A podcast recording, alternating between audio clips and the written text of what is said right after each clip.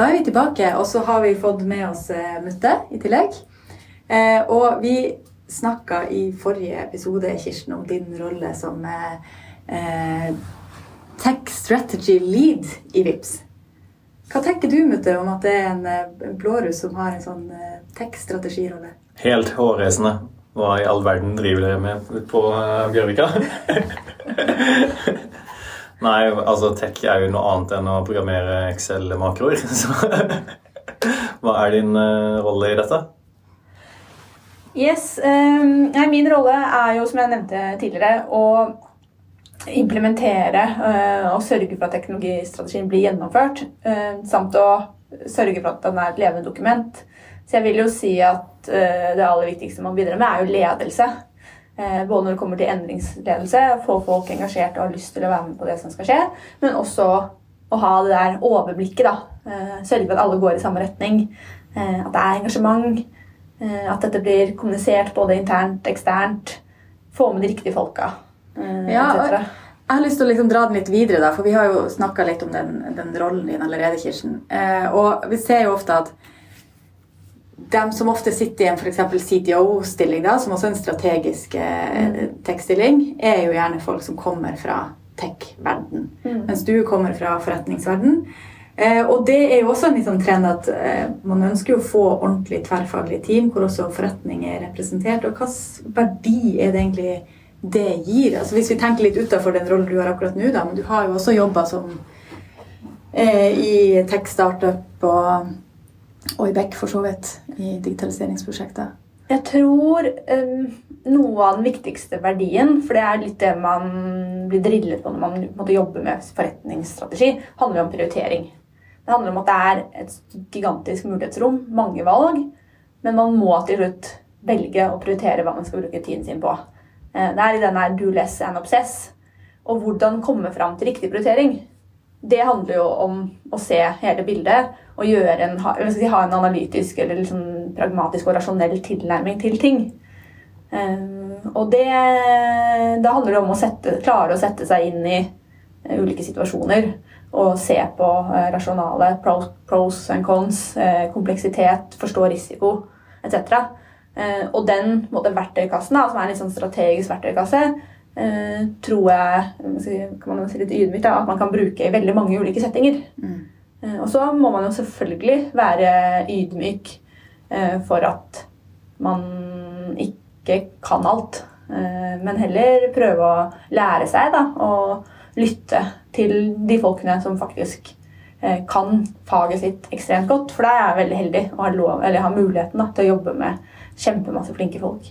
Men, men altså Hvis man skal se på si, ti år rundt omkring så, og mener at de må kunne progge for å kunne være en CTO, så tror jeg nok den listen blir ganske kort.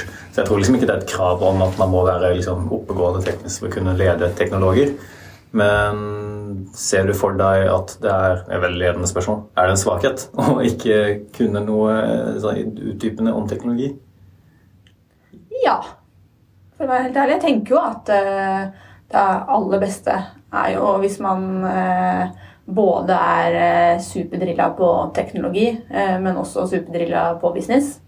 Og da kommer vi igjen litt inn på sånne unicorns. Eh, det fins veldig få av de personene. da. Og jeg tenker jo det at eh, det er forskjell på det å kunne progge, som du sier, eh, og det å ha forståelse for anvendelse av mm. teknologi. Mm. Og forståelse, det tror jeg det viktigste er å ha en forståelse av kompleksitet.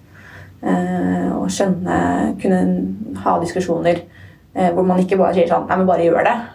Men hvor det handler om å forstå okay, men hva, hva vil dette bety. Eh, og ha en forståelse for hvordan teamene eh, ønsker å jobbe.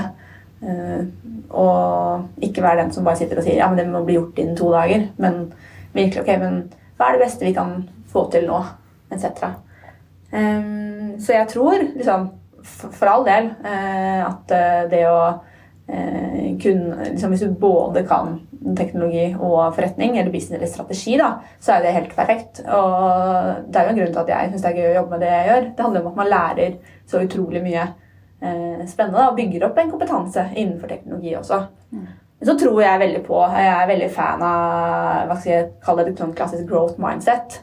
Eh, hvor man ikke lar seg stoppe eh, av å gjøre ting fordi man ikke i utgangspunktet kan det. Eh, men det handler om å eh, ønske om å tilegne seg kunnskap, snakke med folk, være ydmyk for hva man ikke kan. Eh, men også lese seg opp og ta en aktiv rolle, aktiv tilnærming da, til å faktisk lære seg ting. Ja, og så tenker jeg at Det er kanskje ikke eh, Du får rette på meg hvis det her er helt feil. Men du kommer jo fra eh, en annen bakgrunn enn Kirsten. Du er ikke økonom mm. av utdanning. Eh, men du sitter jo også i en litt sånn eh, produkteier, eh, prosjektleder, litt mer overordna Diverse roller. Retning-rolle. Gjøk, som man heter. ja, takk. det var dine ord. Nei, men jeg tenker, Det er jo mye ledelse, er det ikke det? Det er mye ledelse i den, de rollene du typisk også har på et digitaliseringsprosjekt. Jo, altså, jeg tenker jeg er helt enig i at uh, man må liksom learn on the go. og liksom sette, altså, Man kan aldri liksom være ferdig utdannet på en skolebenk og så ta kun innenfor det man har utdannet seg for. da. Uh, men for, hvert fall for min del så har det vært en styrke å kunne liksom gjort noe av det som de i teamet mitt måtte ha gjort og liksom kjenne litt på håndverket. Men samtidig kjenner jeg også på litt svakheten av det, fordi du prøver å forstå mer enn du egentlig kanskje trenger å forstå. Da.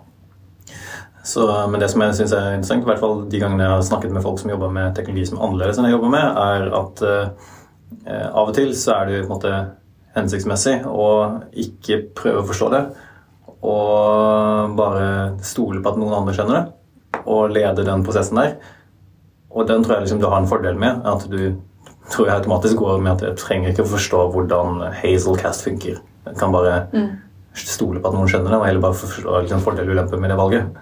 Ja, Det var liksom du nevnte i sted, eh, Kirsten, at uh, man kan på en måte stille de litt dumme spørsmålene da, mm. uh, når man ikke har en tech-bakgrunn. Og man kan egentlig bruke det som en, til sin fordel da, av og til. Ja, og det var, hvis jeg kan skyte inn her, det var da jeg sluttet i min gamle jobb, eh, som var et insurtech-startup så spurte jeg eh, tekkerne da, som jeg jobbet med, så spurte jeg, har dere ett råd.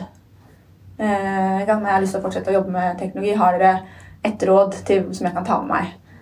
Og da sa de sånn Alltid spør. Ikke vær redd for å eh, drite deg ut eller fremstå som dum. Eh, bare liksom mm, spør alle de, de dumme spørsmålene. For vi, synes, vi liker å bli spurt. Eh, vi liker at folk er interessert og prøver, prøver å forstå. Og så selvfølgelig må man jo passe seg for å ikke stille de dumme spørsmålene om de samme tingene hele tiden.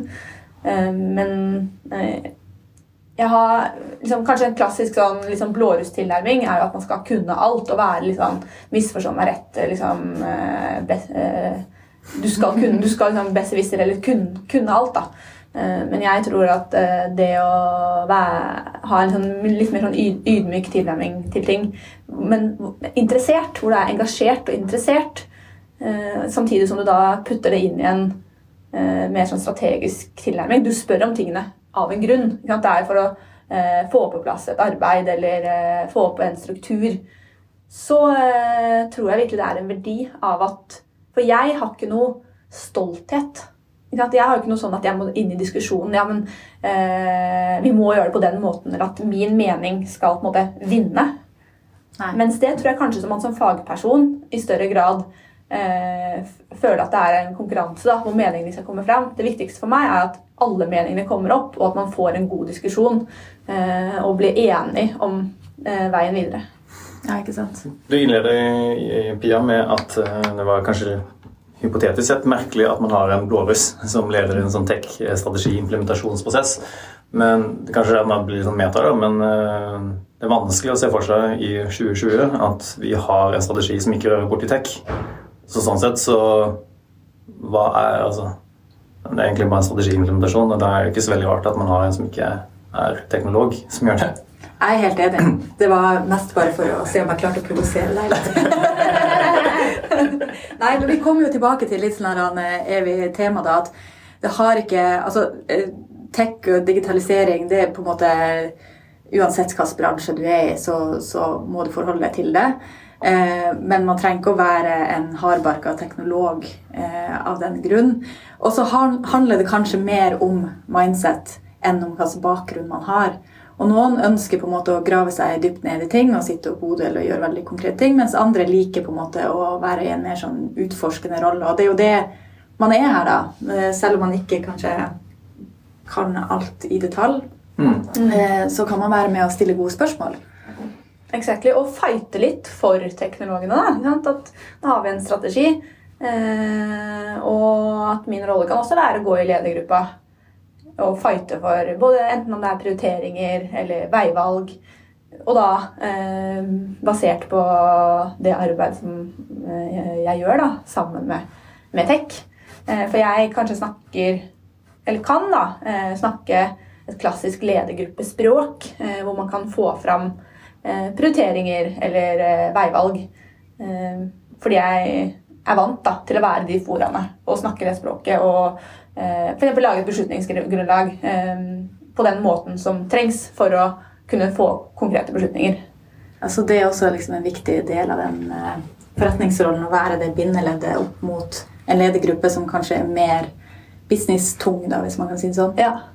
Og ha den eh, Være komf, da, med Og det er jo gjerne litt eh, tøffere oppe i ledergruppa enn andre steder, så da må man stå i det.